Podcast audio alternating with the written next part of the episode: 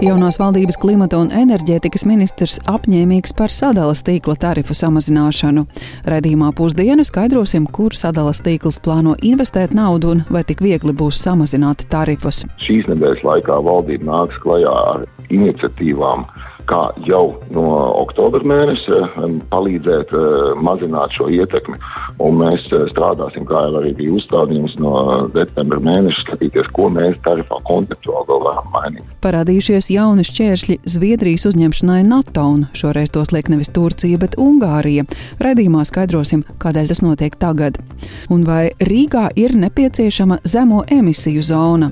Atbildes uz šo jautājumu šodien meklē ierēģi un eksperti. Pēc brīža brīža raidījumā pusdiena dzirdēsim viņu argumentus.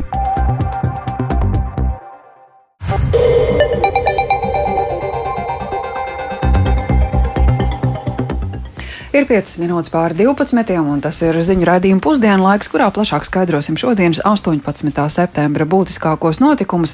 Studijā Hārta Skuja, esiet sveicināti. Un, lai gan aiz loga laiks ir pavisam vasarīgs, skolās ir sākusies jau trešā pilnā jaunā mācību gada nedēļa, un arī sājuma ir pievērsusies izglītības jomas aktualitātēm. Šodien visas dienas garumā tur notiek konference bērnu un jauniešu psihoemocionālā veselība risinājuma izglītības sistēmā, un no konferences nulle atgriežas ieradusies kolēģi Ieva Puķe. Viņa šeit ir studijā, tādēļ Ievai arī varam lūgt izstāstīt, kas piedalās šajā konferencē un kādā veidā tur tiek iztirzāta šī problēma. Jā, labdien, Arta, labdien, klausītāji! Tātad šī konference notiek līdz pat puspieciem vakarā, un tās mērķis, kā minēts programmā, ir identificēt aktuālās bērnu un jauniešu psihoemocionālās veselības problēmas un diskutēt par iespējamiem risinājumiem. Un to organizē Sājums Izglītības, kultūras un zinātnes komisija sadarbībā ar biedrību Vecāku aliansi konference. Tajā piedalās tātad saimnes deputāti, ministriju un skolu pārstāvi, sociālie darbinieki, arī mediķi. Česlavs Batņa, kas ir Saimnes izglītības, kultūras un zinātnes komisijas priekšēdētājs biedrs un arī pats ir strādājis izglītības sistēmā ilgstoši, jau uzreiz iezīmēja vienu no galvenajiem fokusiem - tā ir vardarbība skolās. Un tai bija arī veltīta pirmā konferences sesija, kā, kā arī atkarību jautājumiem. Runājot par vardarbību, ehm, tas tika akcentēts, ka bez tā kā tradicionālās izpratnes, ehm, ka tā var būt seksuāla, fiziska, emocionāla, nāk klāt aizvien vairāk jaunu aspektu, ar ko ir jās, jāsaskarās um, izglītības nu, um, nozarē strādājušiem, um, piemēram, finansiālā vardarbība, uh, nu, kā mūsu sadarbības spogulis, ka dažādi tiek um, ar naudas svirām notiek manipulācijas, un tas ietekmē arī, protams, bērnu pusauģu emocionālo veselību. Uh, jāpiezīmē, ka uh, vardarbības tēmai mm, tiks uh, veltīts informatīvs ziņojums, kas līdz 31. decembrim jāiesniedz izglītības un zinātnes, veselības un labklājības ministrijām um, par tieši par šo vardarbības risku samazināšanu. Un tālāk nāca um, tāda smagā artilērija, bija uh, divi ziņojumi no tātad kaujas lauka tieši par uh, bērnu atkarību jautājumiem un par nepilngadīgajiem, kas jau ir probācijas dienesta uzraudzībā, pašreizējā situācija un izaicinājumi. Tā, to, par to stāstīja jauna, ļoti iedvesmojoša speciālista Kristas Kara, kas strādā valsts probācijas dienestā, bet jau 21 gadu vecumā ir sākus strādāt ar nepilngadīgajiem cēsu nepilngadīgo mm, uzraudzības iestādē. Un, kādi varētu būt risinājumi? Klausiet! Klausieties eh, ierakstā. Jā, tie bērni ir ļoti, ļoti traumēti, ļoti, ļoti smagi, kas nāk iekšā mūsu sistēmā.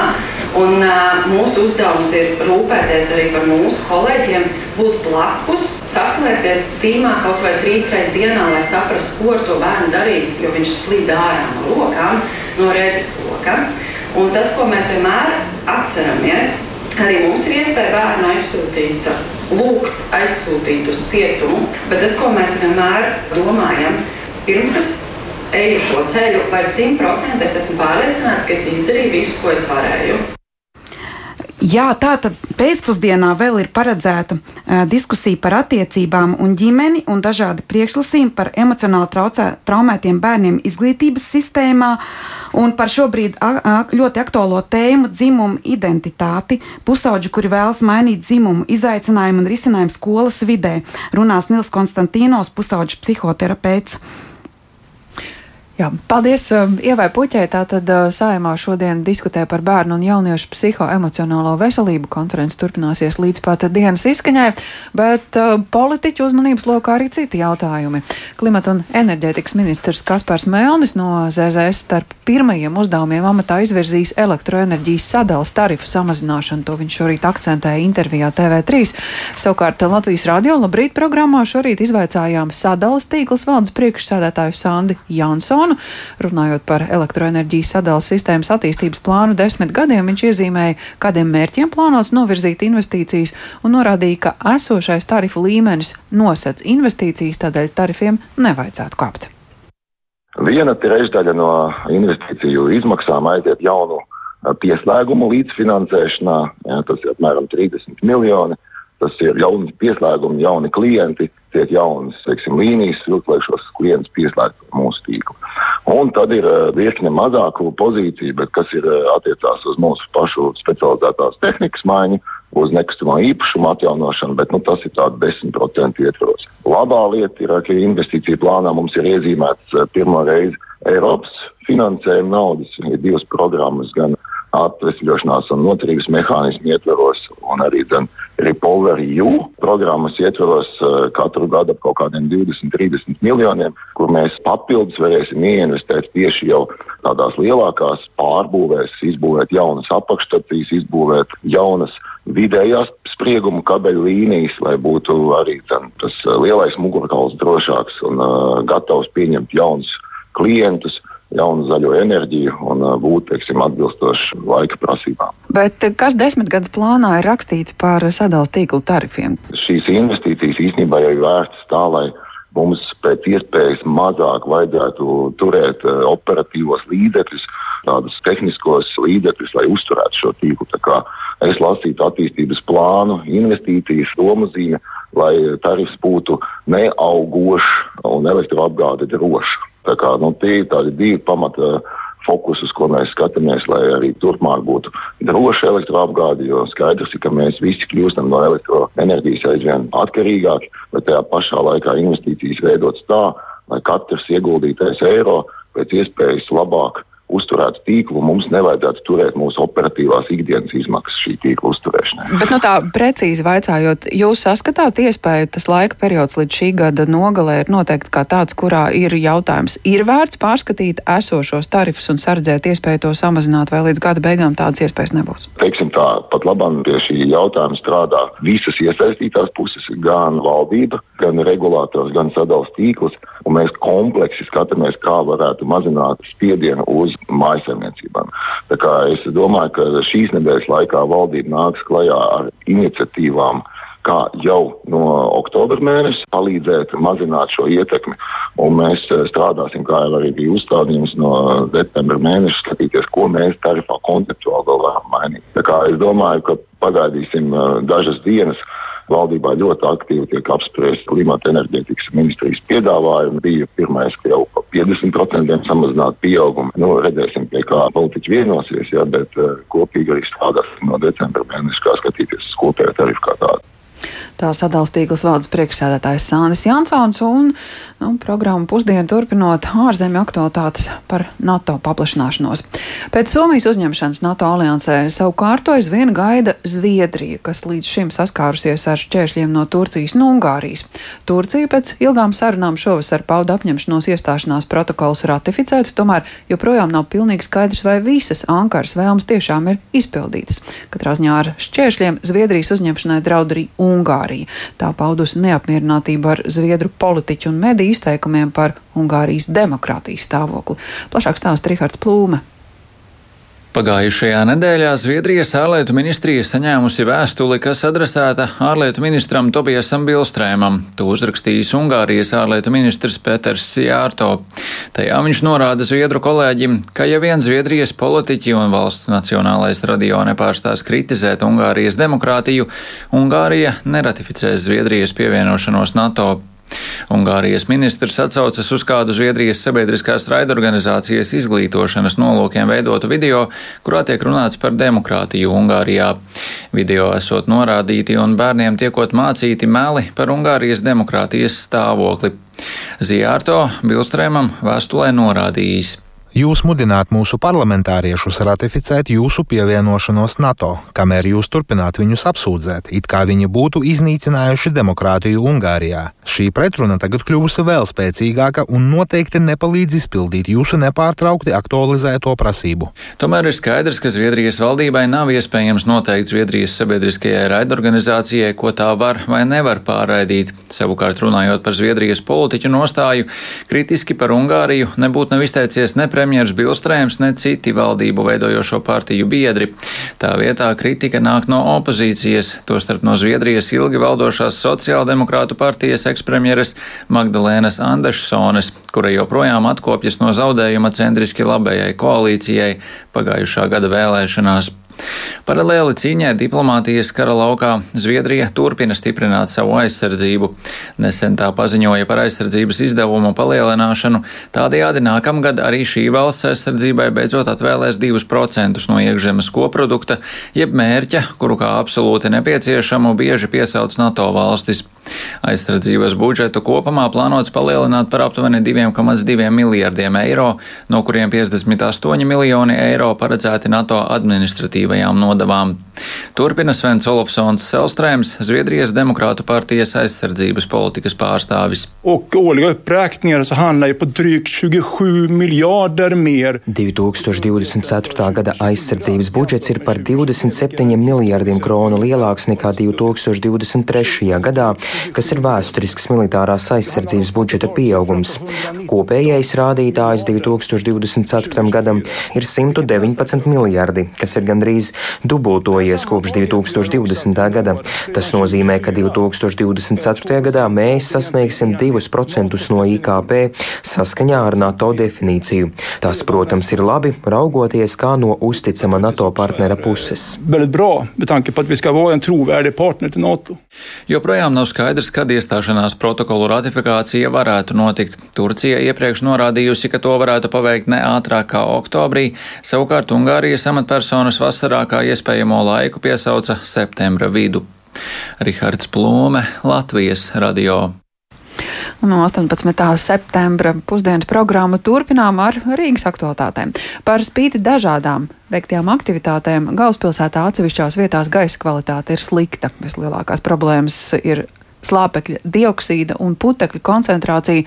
Tā šodien diskusijā, vai Rīgā nepieciešama zemo emisiju zona, informēja eksperti, norādot, ka minētais piesārņojums ir eh, ļoti kaitīgs, negatīvs cilvēku veselībai. Un vairāk par to gatavs pastāstīt kolēģis Viktors Damidovs, kurš šobrīd arī pievienojies studijā. Sveiks, Viktor! Un ja jau reiz runājam par tādu iniciatīvu zemās emisijas zonas nepieciešamību Rīgā, kas tā ir par zonu un ko tas nozīmētu rīzniekiem? Labdien! Jā, tā tad zemo emisiju zona ir pilsētas nu, kāda teritorija, kurā ar dažādu risinājumu palīdzību mēģina uzlabot gaisa kvalitāti un tādā veidā arī cilvēku veselību. Un tad īpašu uzsvaru liekot uz cilvēku pārvietošanās paradumu maiņu, tad īsāk sakot, nu, lai cilvēki mazāk izmantotu privāto transportu, bet vairāk izmantotu sabiedrisko transportu. Un velosipēdus, elektroskrējēju, citus mobilitātes rīkus un, protams, pārvietotos ar kājām lietām. Un, uh, vairāk lūdzu paklausīsimies Rīgas domas pilsētas attīstības departamenta pārstāvi Andžeju Stepančuku. Šīs zonas nav tikai tādas, kur kaut kas tiek ierobežots, bet uh, papildus arī tiek attīstīti un radīti priekšnosacījumi visu citu mobilitātes veidu attīstībai. Primāri tas būtu sabiedriskais transports, iespēja droši pārvietoties ar uh, riteni, dažādi koplietošanas pakalpojumi. Viss tas, kas ir nepieciešams, lai pēc iespējas dažādot un paaugstinātu kvalitāti šim mobilitātes pakalpojumu klāstam un pēc iespējas lielākai sabiedrības daļai sāktu šķist racionāli vismaz daļā no dienām atstāt savu transporta līdzekli mājās un izvēlēties kādu citu risinājumu. Jo skaidrs, ka būs gadā tādas dienas, kad vajadzēs šo transporta līdzekli, bet uh, jārada šie priekšnosacījumi, lai tādas būtu pēc iespējas, pēc iespējas mazāk.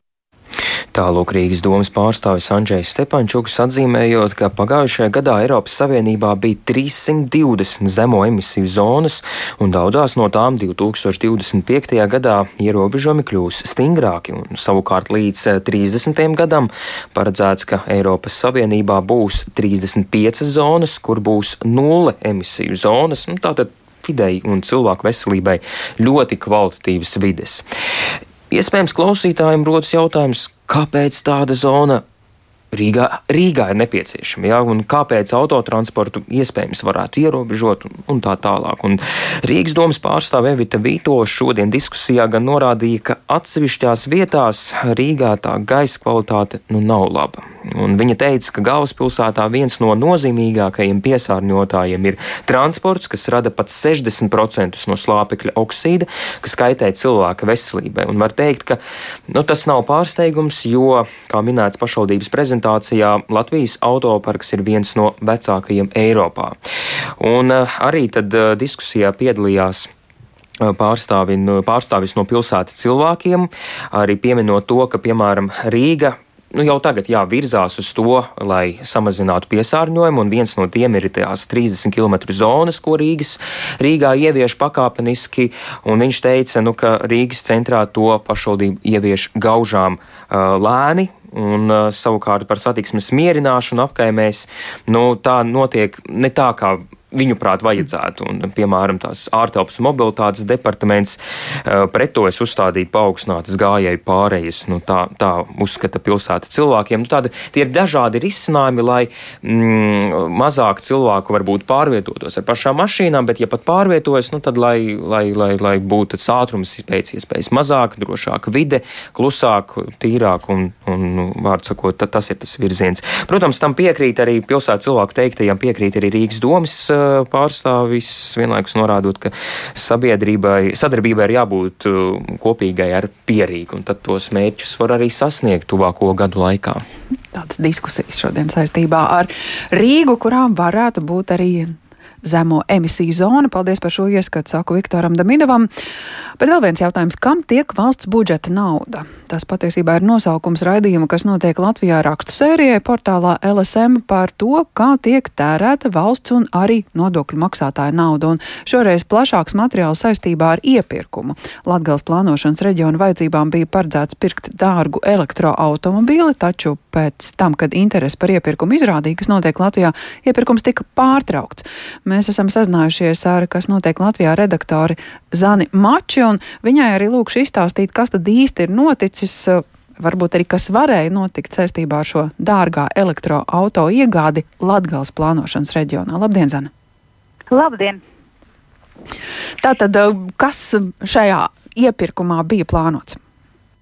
Tātad Latvijas plānošanas reģions bija nolēmuši iegādāties elektroautobīli e, ar e, specifikāciju, kurā bija prasība tāda, ka ar to jāspēj nobraukt ar vienu uzlādi vismaz 500 km. Tam jābūt pilnpiedziņai. Un uh, auto ekspertiem jautājot, ko šī specifikācija nozīmē, kādu auto var nopirkt. Uh, Visi kā viens teica, ka te ir runa par nu, tādiem dārgiem spēkratiem, kā piemēram Audi e-tronu, Q8 uh, to pašu Teslu, kuru gan Latvijā neviens oficiāls autodīleris netirgo, bet esot iespēja caur tavā, citādākiem kanāliem ar starpnieka palīdzību iegādāties uh, Ford, Mustang, uh, elektroautomobīļu un vēl virkne, kuri visi ir nu, vismaz sākot no kaut kādiem 60 tūkstošiem uz uh, augšu. Un uh, Latvijas plānošanas reģions uh, bija plānojis tērēt vismaz 42 tūkstošus eiro bez uh, PVN. Un, uh, nu, mēs pievērsām šim uzmanību tāpēc, ka nu, Latvijā, kur, kā zināms, šobrīd, piemēram, Reizekne ir te jau bankrota priekšā, un Reizekne te var pieminēt, tāpēc, ka Latvijas plānošanas reģiona um, padomjas priekšsēdētāja vietnieks ir Bartaševičs, vēl joprojām Reizeknes mērs. Un, nu, viņi bija nolēmuši šādu auto pirkt. Nu, kā zināms, šobrīd pagaidām tāds iepirkums um, ir piebremzēts. Jā, bet nu, Kāds šai lietai un iespējams arī citām līdzīgām lietām varētu būt turpinājums, ņemot vērā, ka zaļais kurs ir tas izvēlētais ceļš, tātad elektroauto. Patiesi varbūt ir nepieciešams, turklāt pašvaldība arī skaidroja, kādēļ pa Latgals ceļiem ir jābrauc ar tādu īpaši aprīkotu mašīnu un šķiet, ka pat varam neiebilda pret tik dārgu auto iegādi. Nu, viņi skaidroja, ka viņiem tos 500 km vienu uzlādi vajag, jo viņi plāno braukt komandējumos gan pa Latviju, gan ārpus Latvijas, tur, piemēram, Stallinu, Ventspili, Helsinkiem. Bet, kā norāda eksperti, tad nu, neviens reāli praksē nebrauks non-stopā 500 km, kas ļoti sadārdzina šo auto cenu. Parasti ir tā, ka nu, viņš kaut kur pusceļā apstāsies vai kaut kā papildinot, vai, piemēram, aizbraukt uz konkrēto lokāciju, kur viņi, viņš brauc darba darīšanās, un kamēr viņš šī darīšanas kārto, tikmēr tas auto auto lādējas. Un tā otra prasība bija jā, šis 4x4 pilnpiedziņa. To jā, viņi skaidroja to, ka viņiem ir jābraukā ir latgales ceļi, kuri nav labā eh, kvalitātē, un tad te, šī te prasība esot nepieciešama. Un jā, varams, Neiebilda arī bijušais ministrs Princis. Mēs prasījām, vai arī viņš piekrīt šim ministrijas atbildēji, ka nu, viņi neredz problēmu. Viņš arī teica, ka nu, jā, problēmu īsti arī viņš nesaskatīja. Bet runājot par to zaļo kursu, tas, ko saka vides eksperti, tad eh, nu, tā viena mašīna, kas brauks no Rēzeknes vai nu, vienalga Latvijā līdz Vēnspilī, viņi jau to vides problēmu nesakārtos. Ir par tādām, tā, tā, tādām situācijām, ka, piemēram, Rīgā nomainītu visus taksometrus, kas šobrīd brauc ar dīzeļu motoru, nomainītu pret elektroautobīlu, tad tas krietni uzlabotu vides problēmas. Bet nevis šis viens auto, kas ir tāda nu, luksus prece sevišķi šim reģionam, kuram ir ļoti daudz citu problēmu, kas būtu jārisina. Lielas paldies, jā, teikšu paldies par ieskatu šajā rakstā, rakstu sērijā, ar kuru šodien um, klajā nāk LSM portāls sarunājos ar, kas notiek Latvijā redaktori Zani Mači, tātad, kam tiek valsts budžeta nauda. Raidījuma, kas notiek Latvijā rakstu sērija, kam sekojam līdzi lasot LSM. Bet uh, pusdienas programmā vēl viens temats, un tas saistīts ar ģimenes ārstu praksēm, kam valdība ir novirzījusi papildu 5,5 miljonus eiro, lai to darbinieki varētu sazināties ar pacientiem, kas pēdējo trīs gadu laikā nav bijušas profilaktisko apskati. Un šādu cilvēku valstī ir daudz, kopskaitā vairāk nekā 300 20 tūkstoši cilvēku. Latvijas lauku ģimenes ārsta asociācija atklāja, ka finansējuma palielinājums ir akūti nepieciešams, turklāt vairāku problēmu risināšanai, un piešķirtā nauda gan ir gana maza. Plašāk Lauras Ieviņas ierakstā. Jā, mums ir tādi saraksti atnākuši. Mēs apzvanām viņus. Skaidrīte Kurkovska ir ārsta palīgs Natālijas Čaikas ģimenes ārsta praksē Rezeknē. Viņai uz galda ir Nacionālā veselības dienesta atsūtītais saraksts ar pacientiem, kuri pēdējo trīs gadu laikā pie ģimenes ārsta nav bijuši. Tādi esot 205 no kopumā vairāk nekā pusotra tūkstoša pacientu. Skaidrīte Kurkovska stāsta, viņai esot jau piezvanījuši vairāk nekā pusēji. Citi ar mieru atnākt. Patreiz ir atnākusi paciente, ko sazvanījām. Citi pacienti ir pat agresīvi un saka, ka es jūtos labi un es nenākšu. Un kad es jutīšos slikti, tad es atnākšu. Citi jautā arī, vai tas maksās kaut ko. Profa apskate, viss ir pavelti un tik nāk. Ģimenes ārste Natālija Čaika atgādina, pieaugušam pacientam uz profilaktisko pārbaudi būtu jāatnāk katru gadu, arī tad, ja sūdzību par veselības stāvokli nav skatāmies svāru, augumu, mērim spiedienu, klausāmies plaušas, skatāmies profilaktiskas potes. Sievietēm pēc 50 gadiem jautājām, vai viņi bija aicināti uz krūts pārbaudēm, pie ginekologa uz pārbaudēm. Vīriešiem pēc 50 gadiem jāveic skrīningu un prostatas vēža saslimšanu. Jā. Un, protams, pēc 50 gadiem vīrieši un sievietes mums aicināt uz kolorektāla vēža skrīningu. Ja mēs atrodam kādas saslimšanas, protams, tad mēs sūtām uz papildus izmeklējumu vai nozīmējam uzreiz ārstēšanu. Kopumā ģimenes ārstiem, lai viņi līdz gada beigām varētu apzvanīt un aicināt ierasties ilgstoši nebijušus pacientus, novirzīti 5,5 miljoni eiro. Natālija Čaika finansējuma apjomu, ko viņas praksa varētu saņemt, vēl nezina. Bet es varu pateikt, ka nu, no gada sākuma mums katram ģimenes ārstam apmēram 500 eiro bija noņemti no finansējuma. Tā summa, kā tagad piešķirs, drusku mums to kompensēs. Latvijas lauku ģimenes ārstu asociācijas prezidenta Līga Kozlovska no Zaļo un Zemnieku savienības atklāja par finansējuma palielinājumu primārajai veselības aprūpei asociācija esot cīnījusies jau vairāk nekā gadu. Un viena no pozīcijām bija tātad ģimenes ārstu prakšu uzturēšanās eh, naudas palielinājums saistībā ar inflāciju. Tāpat ir otra tāda pozīcija, kas ir par šo apmaksāto papildus darbinieku, lai būtu mums palīdzīgas rokas.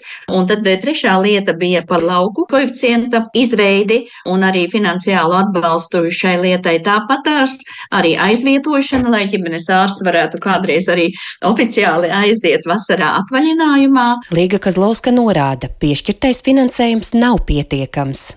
Labāk kaut kas nekā nekas, jo tas vismaz vienu daļu varbūt no šiem punktiem var sekt. Bet, diemžēl, šie 5,5 miljoni uz visiem, tas ir ugunsgrēka dzēšanai, nu, ir viena glāze ūdens. Jā.